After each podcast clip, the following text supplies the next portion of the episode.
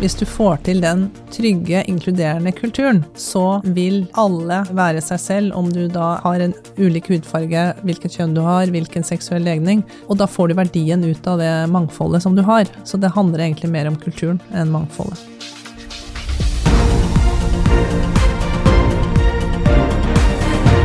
Dette er All In med Oslo Business Forum. Jeg er spesielt glad for å få besøk av en leder som er langt over gjennomsnittlig opptatt av endring, transformasjon og ledelse. Hun har lang fartstid fra innovasjon og organisasjonsarbeid i helsesektoren og myndighetspåvirkning, og hun har også en fortid som idrettsutøver og har vært styreleder i både det norske og det internasjonale snowboardforbundet. En liten kuriositet Cecilia var initiativtaker til Powder Puff Girls i 2003 for å fremme sporten blant jenter. Sist gang jeg var i en slalåmbakke, så var det omtrent like mange jenter som gutter på snøbrett. I 2011 ble hun den første kvinnelige partneren i Deloitte Norges consulting-departement, og fra 2019 managing partner head of Deloitte Consulting Norway. Jeg kjenner dessuten Cecilia Flatum som en engasjert og tydelig stemme i samfunnsdebatten om hva slags næringsliv vi skal ha og bygge for framtiden. Så denne samtalen ser jeg virkelig fram til. For i denne podkastepisoden ønsker jeg å lære mer om 1. Er prosjektleveranser og prosjektfokus nå alt mer vanlig utenom tradisjonelle konsulentleveranser? Og ser Cecilia noen endringer i dette, dersom jeg utfordrer henne på å zoome ut? 2. Mangfold har blitt løftet fram som alle organisasjoner må ta på alvor. Hva må ledere gjøre, og finnes det en oppskrift for hvordan du går fram? Og 3. Den fjerde industrielle revolusjon, der alt er digitalisert og automatisert. Er dette teknologioptimistenes evige drøm, eller vil det også være rom for å være annerledes, altså motstrøms? Jeg håper på noen ledertips fra de som lever av å transformere, eller i det minste en spennende diskusjon. Velkommen til podkasten All In med Oslo Business Forum, en podkast for ledere som er lidenskapelig opptatt av ledelse, innovasjon og strategi.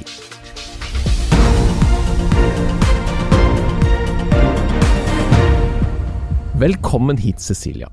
Jeg gleder meg til å ta fatt på disse temaene sammen med deg, men før vi tar tak i hvilket nummer i rekken av industrielle revolusjoner vi er i, og er på vei over i, så har jeg forstått at en av metodikkene dere jobber etter i Deloitte, er noe jeg selv ofte bruker i min lærergjerning, og det er zoom ut og zoom inn.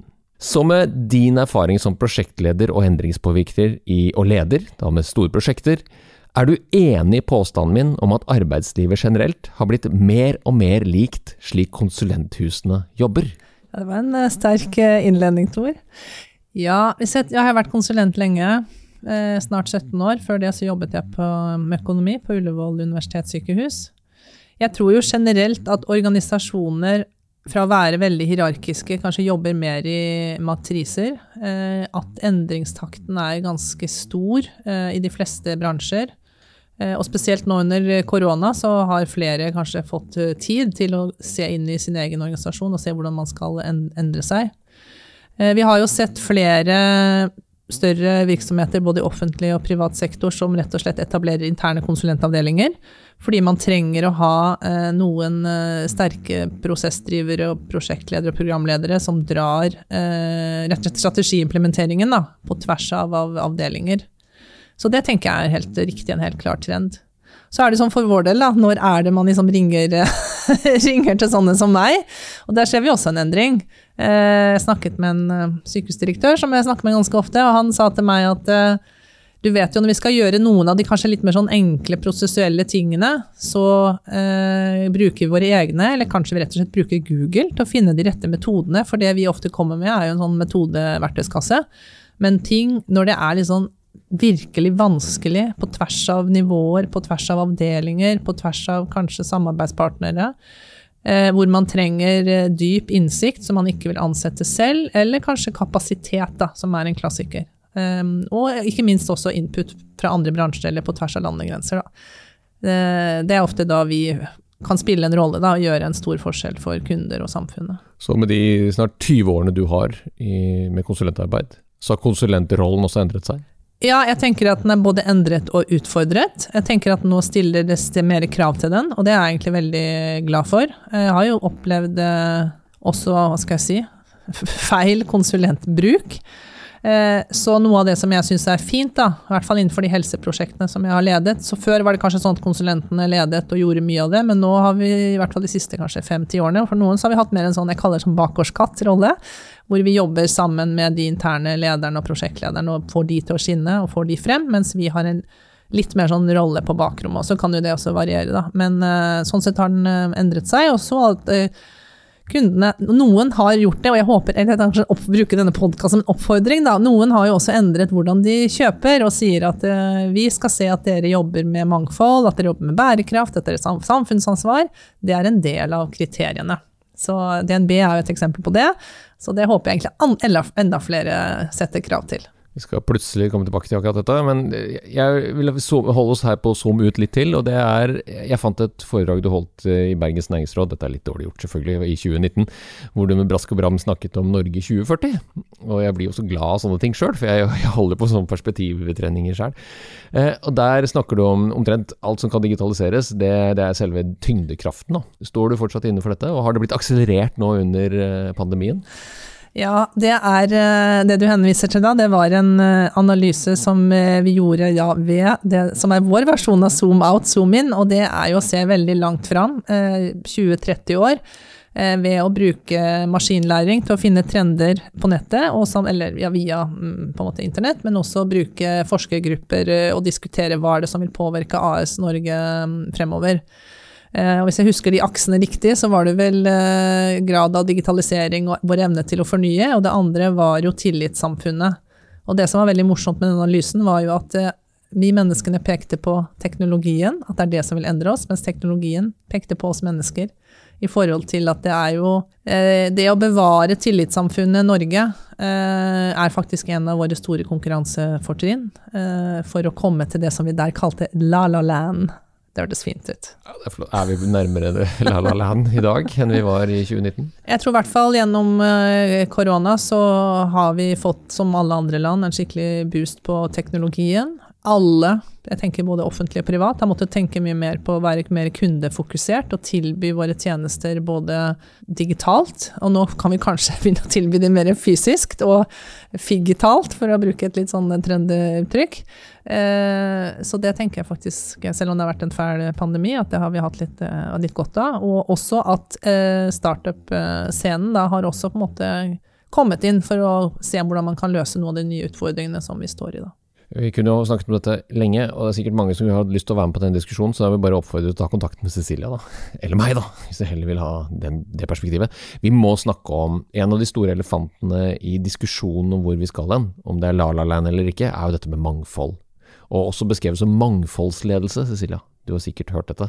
Og du har jo engasjert deg i dette, og det, er jo ikke uten grunn at jeg nevnte um, Powder Puff Girls. For det var jo et sånt initiativ du tok, for du hadde lyst til å gjøre en forskjell, vil jeg tro, for noe du observerte. Men mangfoldledelse i dag er, handler jo ikke bare om kjønn. Det handler jo om alder, etnisitet, alle mulige tenkelige minoritetsrepresentasjoner eller funksjonsnedsettelser. Finnes det en liste Og hvordan man how to, hvordan går man fram her, eh, Cecilia? Ja, jeg tenker at det er uh, sikkert forskjellige oppskrifter, men det første som jeg har lyst til å si, er at uh, etter å ha jobbet med dette i veldig mange år, så jeg vil egentlig snakke kanskje mer om uh, å ha en inkluderende kultur, og en kultur hvor man opplever et likeverd. Og det er jo mye forskning på dette i forhold til hva er liksom bunn, mangfold på bunnlinjen. Men sånn som jeg opplever det, så er det viktig for alle og jobbe med selvfølgelig å få inn en bedre kjønnsbalanse, bedre etnisitet. Eh, få inn at man har egentlig ulike også eh, ulike studiebakgrunner og alder at det der, men det betyr jo absolutt ingenting, eh, den tellingen, hvis man ikke har en kultur hvor man kan komme på jobb da, og være seg selv. Og det er først da at man på en måte tør å være seg selv og kan dele sine tanker og bli respektert for det. At man faktisk får ut en verdi av det mangfoldet. Og det er noe som vi har jobbet mye med i, i Deloitte også, og Det er noe som jeg jobber med akkurat nå i Deloitte. Hva skal jeg kalle det, Den konstellasjonen som er Europa og Midtøsten. Så det handler kanskje mye mer om uh, lederutvikling, det å på en måte skape den kulturen, og også det med likeverd som har kommet inn som et, kanskje det siste skuddet på den stammen. At det er liksom ikke de samme tiltakene mot alle sammen. Uh, man må på en måte ha et menneskesyn, da, at alle er like mye verdt. Og den har spesielt kommet i kjølvannet av den Floyd-saken og Black Lives Matter. Så det går Jeg tenker for toppledere vi må på en måte ta litt inn over oss om vi faktisk har en inkluderende lederstid, og at alle som kommer, uansett hvilken bakgrunn de har, da, føler at de kan være seg selv. Og vanvittig viktig, og, og mye vanskeligere enn det kanskje høres ut som. Man skal begynne å, å hensynta alle mulige tenkelige, og i hvert fall et internasjonalt selskap, da, tenkelige ja, skjebner, vil jeg nesten si. Hvis du har vokst opp i et samfunn som ikke er så egalitært som det norske, og, og har blitt eh, forskjellsbehandlet hele livet ditt, og nærmest ser på staten som en uh, apartheidstat så vil det jo være en mistro også fra hele det der systemet. Så det er jo systemkritikk i dette også. Ja, absolutt. Og vi har jo mange myter. Og eh, noe av det vi har diskutert eh, internt, er jo at vi må liksom gå ned på hvilket språk er det vi bruker. Kanskje det er litt sånn mannsdominert. Hvordan er det vi samhandler? Og jeg hørte en ganske sånn gripende historie. Det var fra en amerikansk kollega som har meksikansk bakgrunn. Hvor han sto i lead på et tilbud, og så ringte kunden tilbake og sa nei, du må fjerne lederen, jeg må ha en annen lead. Og det er jo helt klart eh, rasistisk. Så vi, det er historier som vi snakker også åpent om internt, eh, for å få folk til å reflektere rundt dette med, med å skape den inkluderende, inkluderende kulturen. Så de, de, holdningene som da kommer ut i handling, for det vi snakker om skal gå ovenfra og ned, men den må jo også du må jo få med alle sammen på dette. Du snakker om å sånn bygge en kultur. Hvor, begynner man med en inkluderende kultur? Hvor starter man den? Ja. For å få mangfold på bunnlinja? Ja. Eh, det som vi har jobbet med, da, vi jobber med tiltak innenfor fire områder. Okay. Og eh, det første er jo å ha en inkluderende toppledelse. Så første steget som vi jobber med, det er jo rett og slett å øke vår egen kompetanse på mangfoldsledelse. Så akkurat nå så har vi faktisk, i hvert fall her i Norge, kursing med Sima.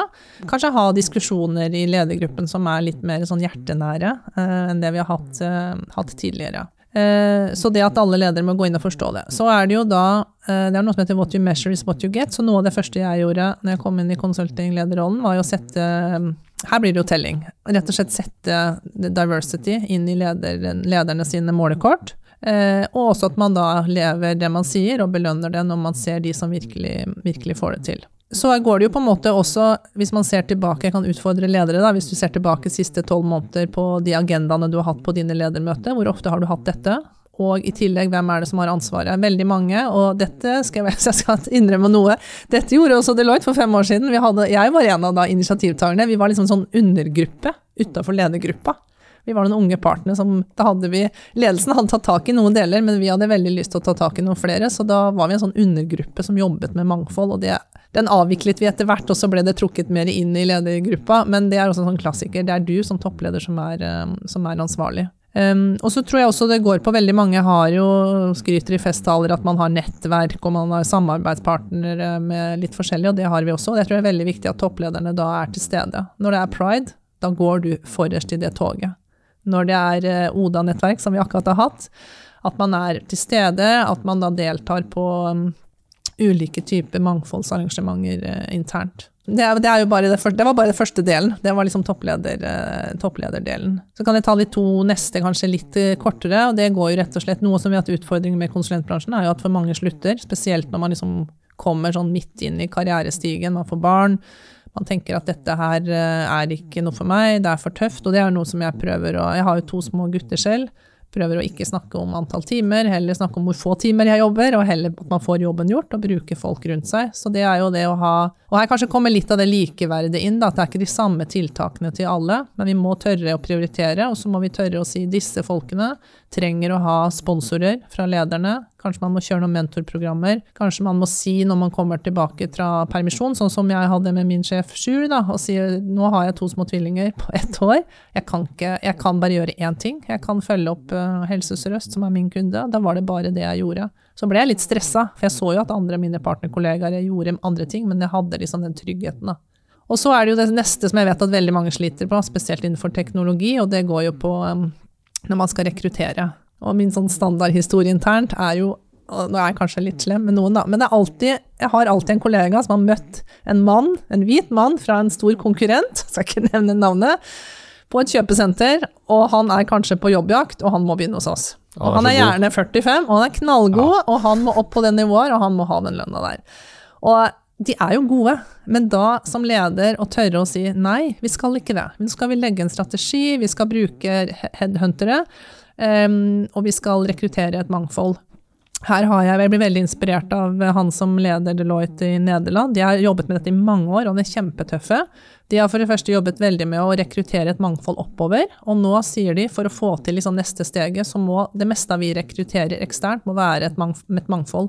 Så de har faktisk begynt i større grad å si nei da, til disse åpenbare sterke kandidatene. Så det er litt av den reisen jeg har liksom dratt eh, min gjeng også ut på. Starte liksom med kopien og kompetansen, og så etter hvert tørre å si, uh, si, nei. Da. Og kanskje ikke sette disse stramme kriteriene, heller gå litt mer ut og se hva fins. Og så gjør jeg en annen ting, dette er kanskje også litt sånn uh, når man bruker rekrutteringsselskaper, så vet vi at man kanskje må gå på kvinner litt flere ganger enn menn. Der har vi brukt en del rekrutteringsselskaper fra Storbritannia, faktisk, for de er litt min erfaring til kanskje er litt mer trent på dette, og jeg blir jo selv kontaktet av rekrutterere rett titt og ofte, så svarer jeg ikke. Så tenker jeg nå skal jeg se om de kommer tilbake til meg. Mm. Noen gjør det, noen gjør det ikke. Da, vi bruker ikke de. Vi vet at skal du liksom få kvinner, og kanskje også mer mangfoldskandidater til bordet, så må du spørre mange flere ganger, da. Så da kom det en liten oppfordring til der, til alle headhuntere. ja, og så tror jeg du er jo selv et bevis på at du må si ja. Det er kanskje også en annen ting, og det er jo den kvinnen eller den som kanskje ikke tror at, og noen ganger han også, er god nok. Så vet jeg at det er du opptatt av. Å få folk til å skjønne det at hvis du blir spurt, så er du i hvert fall god nok. Men det er jo ikke kulturelt, det er mer sånn personlig, som folk oppfatter at øh, oi, dette er kanskje litt skummelt, eller her kommer jeg ikke til å lykkes. Har du noen tanker om det? Er det, noe, er det noe endring der? Nei, jeg vet, Det kan jo hende om at den går på vilje til, villighet til å ta risiko. Og um, kan det være noen kjønnsforskjeller der i forhold til villighet til å ta risiko? Og du nevnte dette med snowboard i stad, uh, hvor jeg var i styret, og jeg satt jo selv i valgkomiteen når de skulle velge ny president, og så plutselig merket jeg at valgkomiteen begynte å snu seg mot meg, da. Og syns liksom, jeg synes, vi syns du skal gå ut av valgkomiteen, for vi syns du er kandidaten. Og da ble jeg sånn hæ, meg? Nei. Det går jo ikke. Eh, men så tenkte jeg liksom søren, jeg må bare si ja. Og så er det kjempeskummelt, men det går jo bra. Så jeg vet ikke hva Kanskje det, jeg kommer jo fra en liten gård, vet du, Tor, oppe i nord, selv om ikke, dialekten er helt ødelagt etter 20 eh, år på Østlandet. Eh, hvor jeg tenker at man liksom ikke ble så veldig pakket inn i barndommen. At man måtte liksom ut og jobbe og ta litt sjanser. Så det der å bare ta på seg oppgaver Jeg lanserte jo også en blogg for noen år siden som var kjempeskummelt. Tenk å liksom være i offentligheten, da. Så, og også på en del beslutninger som har vært måttet tas siste år internt i Deloitte. Så det virker kjempeskummelt, men så et par uker etterpå så ser man tilbake og bare Var det så farlig da, egentlig? Men der kan det være fint å ha noen å snakke med, da. Mentorer eller sponsorer. Og jeg har mange, både yngre og eldre ledere, som jeg sparer med, da. Det er bra. Ting er litt skummelt. Jeg tror jo det er litt så ute etter også, det perspektivet på Jeg har møtt mange unge mennesker og ambisiøse mennesker i mitt liv som eh, lærer og foreleser, og jeg tror jo det at hvis vi kunne ha tatt en sånn tidsreise tilbake til 70-tallet, så hadde det nok vært flere ambisiøse folk blant de færre kandidatene som var da. Mens nå er det mange flere som ser for seg at ja, men jeg kan jo gjøre dette og jeg kan gjøre dette, og så blir falløyden så høy. Så hvis man sammenligner særlig dette med diversity, de som gikk i front, da av særlig kvinnene den gangen, de var utrolig tøffe. For da fantes jo ikke en eneste rollemodell i mils omkrets. Mens nå er det jo mange flere utrolig dyktige ledere, både i det offentlige og det private. Og så slår det meg jo litt at eh, driver vi fortsatt og snakker om dette, liksom? At, at særlig jentene skal tørre å, å si ja. For, fordi hun må jo velge å si ja. Hun kan jo ikke si 'nei, jeg tror ikke det er noe for meg', jeg. Og så har hun, har hun seksere fra videregående, og hun har vært med i alle mulige utvalg, og hun har alt på plass. Men så 'nei, jeg tror ikke det'. Har du noen tanker om det? Jeg vet ikke om det er noe sånn uh, klart svar på det, men kanskje det er noe sånn helt fundamentalt som er liksom iboende i oss, nesten fra oppveksten og oppdragelsen. Jeg vet ikke, Eller at man har flere rollemodeller, men at uh, Nei, jeg tror faktisk ikke jeg har noe sånn godt, uh, godt svar på det. Så det får på en måte være en, en oppfordring til at man faktisk skal tørre, tørre, å ta det. Men det kan jo være bare si, det kan jo være også igjen hvis man, Hvem er det da som skal ta deg inn og rekruttere deg inn? At man liksom ser på de og bare Nei, men de er jo sånn. Og der hadde jeg en historie med Jeg hadde en veldig dyktig kvinne inne som jeg intervjuet, og så, husk, så fortalte hun meg etterpå at hun hadde sagt ja, men der satt du, tobarnsmor, og var noe sånn som jeg er, da.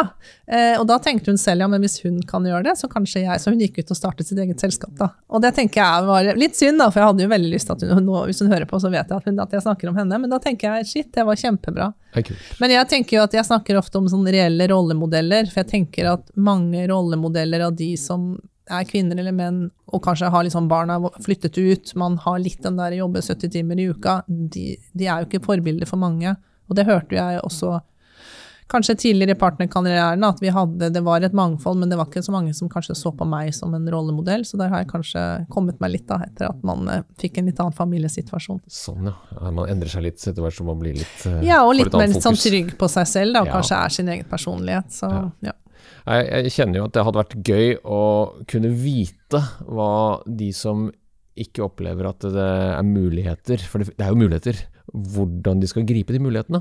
For, for, kultur er jo litt som et språk. Det er jo det vi, vi, bruker for å kommunisere. Og hvis kulturen er litt sånn uklar, eller den kanskje er Det er forskjellig kultur.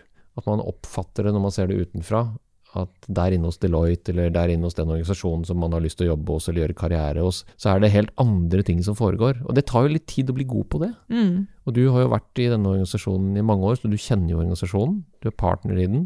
Og så er det vel en del sånne der, eh, Folk har vel noen betraktninger om hvordan dere gjør dette her i praksis.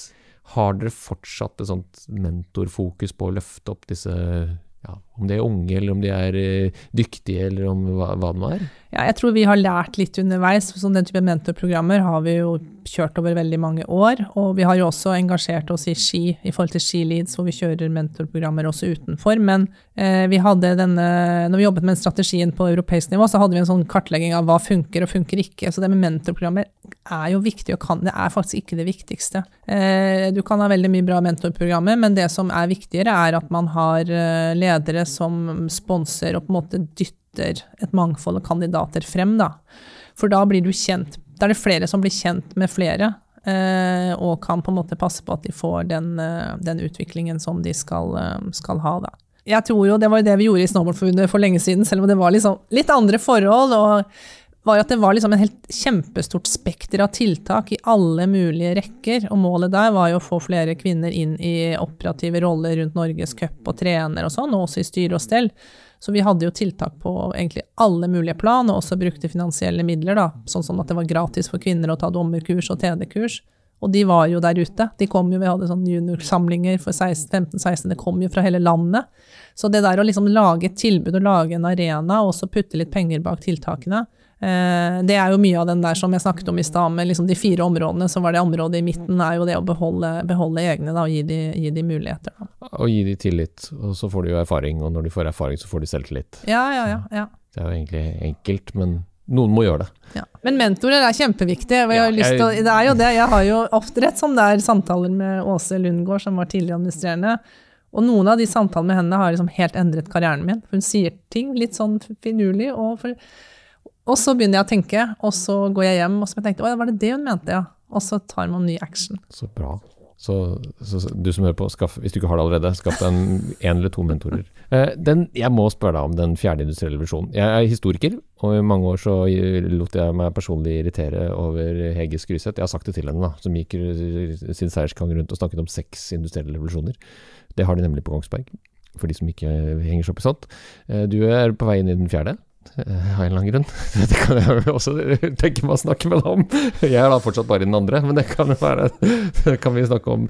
Men den fjerde industrielle revolusjonen, og automatisering og, og digitalisering, det, det, vil jo skje. Det er jo en slags egen tyngdekraft. Og jeg har jo tenkt i mange år at vi har, vi har hatt så stort behov for å snakke om at noe er IT, og jeg heter jo også EDB, elektronisk databehandling. Men den dagen vi slutter å snakke om det, så er det bare en del av det vi gjør. Vi er ikke helt der ennå, men alt som kan effektiviseres og rasjonaliseres, det kommer til å bli rasjonalisert. Det er vi enige om.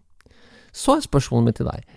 Kan det være at vi i iveren etter å lese utlendingenes bruksanvisninger, for det er stort sett det det er, i denne plattformøkonomien, og alt skal være basert på logaritmer og kunstig intelligens, kan det hende at vi går glipp av noe, nemlig når pendelen svinger. Har du noen gang tenkt på det? Ja, Den går for langt. Den går gjennom taket. ja, men at vi blir så opptatt av at der er alle enige, og det er dette vi konkurrerer mot, og målbildet vårt er Amazon og Facebook og Alibaba og ja, WeChat, da. Ja. Som veldig få nye konsepter i det hele tatt klarer å stå seg mot, da. Mm. Men er det ikke også sånn at vi ser jo en pendel på en del andre bransjer, på det ekte og det nære og det lokale og det trygge og det som man kan nesten det taktile. Mm. Kan det også være en vei å gå både for ledelse og forretningsutvikling? Mm. Jeg tenker eh, Det blir jo litt sånn hypet, og det er jo for noen år siden hvor alle snakket om det the tipping point, og nå skjer det, og jeg husker Nå skjer det, nå skjer det, og jeg liksom bare Gud, jeg våkner i morgen, og det er liksom blockchains overalt. Men, og jeg husker for mange år siden, ja, det er ganske mange år siden, så hadde vi et sånt uh, morgenfuglseminar liksom, roboter og robotikk, som egentlig bare er prosessautomatisering. Det var så mye folk som kom, de måtte flytte hele seminaret til Oslo Plaza. Og i dag er jo det bare helt naturlig, noe som er inni alle, inni alle prosesser. Og det syns jeg egentlig vi ser også på en del eh, andre ting, at vi tar i bruk denne nye teknologien på en veldig sånn naturlig måte. Og så er det jo de nye selskapene som på en måte har det helt fra starten av. Som plutselig kommer opp og blir store og, liksom, vipper de store aktørene av, av, pinnen. Men det du spør om egentlig, er jo det der mer menneske, menneskelige. Og jeg tenker at eh, Um, Deloitte har jo en sånn Human Capital Trends Report som er gitt ut mange mange år på rad. Og den snakker jo litt sånn mye om akkurat det, at nå vil du jo på en måte ha noen oppgaver som maskinene gjør bedre enn oss, men det som vi gjør bra, det vil jo bare bli enda, enda og enda viktigere. Uh, vi vil jo ikke ha liksom, man skal kalle det, roboter som er ledere, men jeg tror man må på en måte være nysgjerrig og ta det, ta det inn over seg. Og det var jo litt av den derre Norge 2040, da. Eh, hva var det robotene? Og de pekte jo på menneskene, og det at en av de viktigste trendene i Norge er liksom tillitssamfunnet. For det som er litt skummelt nå med de store plattformøkonomiene, er jo f.eks. Eh, personvern eh, og sikkerhet, hvor vi gladelig gir fra oss informasjon både her og der. Eh, og vi gir jo de også da muligheten til å bygge opp løsninger som er tilpasset oss, men vi har jo da også undergraver jo litt av norsk offentlig sektor og norsk, eh, norsk næringsliv. Hvordan da? Jo, fordi vi, vi, klikker jo. Er du liksom OK for dette? Ja, klikker du da. Men hvis vi da mm, Og da begynner jo Amazon og Apple å spore helsedata på oss. Eh, og så var det en kjempestor debatt rundt den smittestopp-appen som kom, da, hvor jeg er helt enig der var det ting som skulle vært bedre i første versjonen.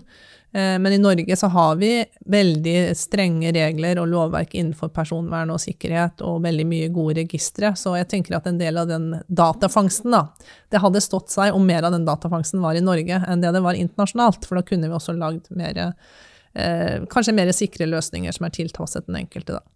Men i forhold til dette med den personlige og nære, jeg er helt sikker på at det vil uh, svinge. Jeg hadde en sånn, hørte en interessant podkast om han som hadde prøvd alle mulige liksom, apper og pads og skulle skrive og digitalt, og så til slutt så bare Nei, papir er best. Og jeg har faktisk hatt den samme reisen selv. Skrive, den der følelsen av å skrive papir og være litt sånn um, fysisk, uh, det tror jeg er en ting som vi kommer til å se mer av. Og den er jo litt påvirket av korona og utfordringer med leveransekjeder, spesielt fra, fra Kina, er jo at jeg og jeg håper at vi får det til, at det er en litt sånn oppblomstring av sjappa på hjørnet. Eh, fordi at man ser at verdien av å ha liksom nær tilgang på en del produkter, da, at det også er, eh, at det er viktig. Så du tror ikke varehandelen dør av uh, hjemlevering og Av dronelevering? Dropshipment fra alle mulige, fra tre store sentrallager i verden? Jo, det vil jo komme mer av det, men jeg tror også at vi kommer til å bli mer og mer opptatt av kvalitet, da, spesielt innenfor type mat og den type ting. Så at det med kortreis kommer til å bli mer og mer, mer, og mer viktig. Da. Det blir jo spennende, da. Kolonial har jo etablert seg godt i forhold til å bli en distribusjonssenter for veldig mye rart eh, fremover. Ikke mye rart, da, veldig mye. Så den logistikkjeden kommer til å endre seg veldig. Men jeg håper at man fortsetter å tenke på hva er liksom det nære som vi skal leve av her i, her i Norge, da. Jeg tror det blir veldig viktig.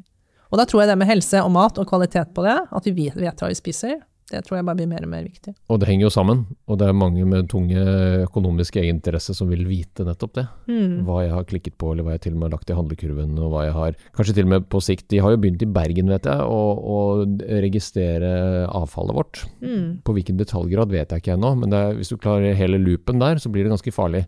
For da kan de jo begynne å beregne hva det er jeg konsumerer, og ergo forutsi hva jeg mest sannsynligvis kommer til å daue av. Eller hvis jeg vil kjøpe forsikring mot det. Men nå blir det jeg som fantaserer i teknologioptimistisk ånd. Og så må vi huske på at du og jeg vet du, vi er jo den siste generasjonen som er født analogt. Du ja. og jeg gikk jo på skolen og lærte å skrive med penn. Ja, det. det har de jo slutta med. Nå har vi jo verdens største eksperiment som ingen har noen som helst validert data på om kommer til å virke i det hele tatt, og hva slags senvirkning vi får av det. Nemlig at vi har byttet ut papiret med skjerm. Ja. Som gir litt, annen, litt annen type læring. Og, og, kanskje også en utålmodighet. Vi som måtte tegne border og, og skrive dikt og holde på. Ja da. Jeg har to uh, førsteklassinger, så, og er, den skolen de går på har heldigvis hatt sånn pad-fri Eh, det er ikke i første klasse. Tenk på det begrepet. Padfri skole. Altså i sånn old school, bokstavelig talt. Nei, men det er noen nervebaner vet du, mellom hånda og Ja, ja, ja. hjernen, og de tenker Ja, jeg vet, jeg er veldig enig, enig i det. Men det Det er jo en kamp nye- mot den der eh, kommer noen nye synapser, vet du. Ja da, Ja. det gjør det. Men vi helt til slutt så har jeg lyst til å spørre deg, for du har jo vært leder også i mange år. Og ledet prosjektgrupper og ledet prosjekter. Og har du vært en leder som har søkt ledergjerningen? Eller har du blitt leder nærmest uh, motvillig? Nei, jeg har ikke søkt det. Jeg har vært kanskje mest sånn Jeg startet jo innenfor økonomifaget og jobbet med det. Og så kom jeg over i Da jobbet jeg tre år når de bygget nye Ahus, dette er jo lenge siden, i tre år med prosjekter der, hvor jeg jeg liker liksom å organisere og styre ting, flink til å sette ting i system, så da ble jeg veldig sånn tiltrukket av det prosjektlederfaget. Klare å liksom å koble teknologene med legene og sykepleierne og eh, hva skal jeg kalle det, alle, og alle andre, og forstå hele den, den biten. Så det gjorde jeg liksom på heltid i ti år. Og det, prosjektledelse er absolutt en form for ledelse, men det er en helt annen ting enn linje toppledelse. Så det tror jeg var Jeg jo, gjorde det samme som alle andre som er hjemme i permisjon. Jeg gikk mye tur, spesielt med tvillinger, så går du sånn sju-åtte timer hver dag rundt Bygdøy. Og da har du god tid til å tenke og høre på podkaster, og jeg begynte å skrive en blogg selv også, og da, var, da ble jeg 40, det var mange ting på en gang her. Så da tenkte jeg liksom, hva skal jeg med livet mitt? Skal jeg liksom bare fortsette å lede disse helseprosjektene som jeg egentlig er kjempeglad i, og nå leder jeg jo et, eh, et annet stort helseprosjekt på toppen av det jeg holder på med. Men, men eh, da ble jeg litt sånn nysgjerrig på ledelse. Så, og det som jeg syns var litt gøy nå under korona, for da var jeg liksom toppleder på første reis, krisereis, var at mange av disse krisene som jeg hadde opplevd i disse offentlige prosjektene mine, så jeg hadde masse i ryggsekken. Det var veldig, veldig, ja, litt sånn tilfredsstillende, egentlig. Så nei, jeg vet ikke. Og så når jeg liksom skjønte at eh, nå er det det jeg har lyst til, så var det, hadde jeg noen gode sponsorer, da. Sånn at jeg kom inn i den rollen som jeg ønsket, sånn at jeg kunne gjøre en endring. Er du en god sponsor selv, da? Nå? Oh yes. Ja da. Ah, ja, ja, ja, ja. ja. Jeg, vi jobber mye med det i ledergruppa også, og tenker eh, hvem er neste generasjons Deloitte-ledere? Både kvinner og menn, og de midt imellom, og alle mulige. Så det, ja, ja, det diskuterer vi mye da. Og jeg, det er veldig viktig å se forbi de som liksom er så synlige, og så Jeg er ikke så glad i ordet talent. Hvem er det som liksom er liksom villig til å legge ned de lille ekstra, og som står for noe den vi skal være i fremtiden, da. Hvordan finner en leder nå som, som leter etter noen som ikke nødvendigvis har det talentet, eller den eksplisitte ønsket om å bli leder? Hva ser de etter? Vi ser i hvert fall litt etter de som kanskje har den der liksom ekstra lidenskapen for konsulentyrket. I alle bedrifter så har man noe, en sånn eh, kvadrant up and to the right, som er liksom ildsjelene. De som eh, er liksom nysgjerrige og selvfølgelig leverer godt hos kundene, men som også på en måte engasjerer seg i å utvikle businessen. Da. Man spotter de egentlig etter over en, tid. da. Og så gjorde vi egentlig noe litt morsomt eh, rett før sommeren i fjor. Vi omorganiserte og lagde sånne mindre team, og da puttet vi mange av de yngre og tilbød de lederjobber. Da. Hva blir det på sånn nivå tre-fire i organisasjonen, sånn at vi skaper noen treningsbaner. Og så innførte jeg rullering av lederroller. Så da vi, skal vi begynne å rullere litt nå i løpet av våren og til neste år og neste år. Og da på en måte får du liksom mer dynamisk, og da finner man ut av hvem som syns det er gøy, da. Og så har vi flere karrieretracks også, da. Så det kan vi, gjøre flere ting. Men ut av alle disse veld, veldig gode og spennende tingene dere gjør, så går det an for hver og en som er i en lederrolle og ser etter noen nye ledere eller nye ledertalenter, og sette opp treningsbaner, altså treningsarenaer, og få de til å respondere. Og jeg, jeg, Hvis jeg skal oppsummere nå, så er det jo Jeg syns det er veldig spennende å høre deg og dine betraktninger om prosjektfaget og konsulentfaget, som du sier er en utfordring, og til, til det bedre, for da må man jo, må levere som konsulent. Eh, og så syns jeg det er fint at eh, når konsulentrollen endres, så vil det bety at den kunnskapen man har i konsulenthusene, den skal jo matche og treffe og skape verdi for de kundene. Det vil jeg tro de fleste er enig i. Det med mangfold burde vi jo hatt en eh, mye lengre økt på, eh, for vi blir jo aldri ferdig med det. Vi endte jo mest opp å snakke om, om kvinnen, og flinke kvinners eh, At de må huske på det, at de må si ja. Og at det er sjefens og toppsjefens og ledelsens rolle å legge til rette for dette. Men også når det gjelder mangfold på etnisitet, og, og kanskje også med andre ja, grupper som man trenger, da. Eh, Vi har noen blindspot her i samfunnet antageligvis på akkurat dette. For vi, mangfold blir litt sånn som grønnvasking blir. Vi tenker at vi gjør det for at det gir oss god samvittighet der og da. Vi kanskje har ansatt én eller tre eller fem, men vi burde gjøre mye, mye mer. Og så har vi nå vært innom dette med den eh, fjerde industrielle revolusjon, eller framtiden, og jeg prøver å dra deg over på at det, det er også motkrefter her, så er du ikke uenig i det. Det er jo det er fint. Er det noen siste ord du vil ha til eh, lytteren før vi avslutter, Cecilia?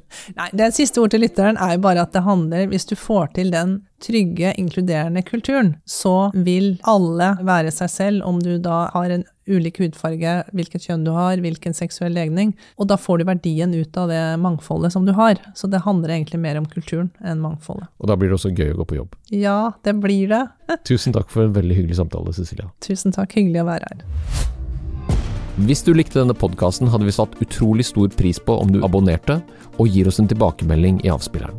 Spre gjerne ordet videre til andre ledere som er lidenskapelig opptatt av ledelse, strategi og innovasjon. Mitt navn er Tor Haugnes. Sammen er vi all in med Oslo Business Forum.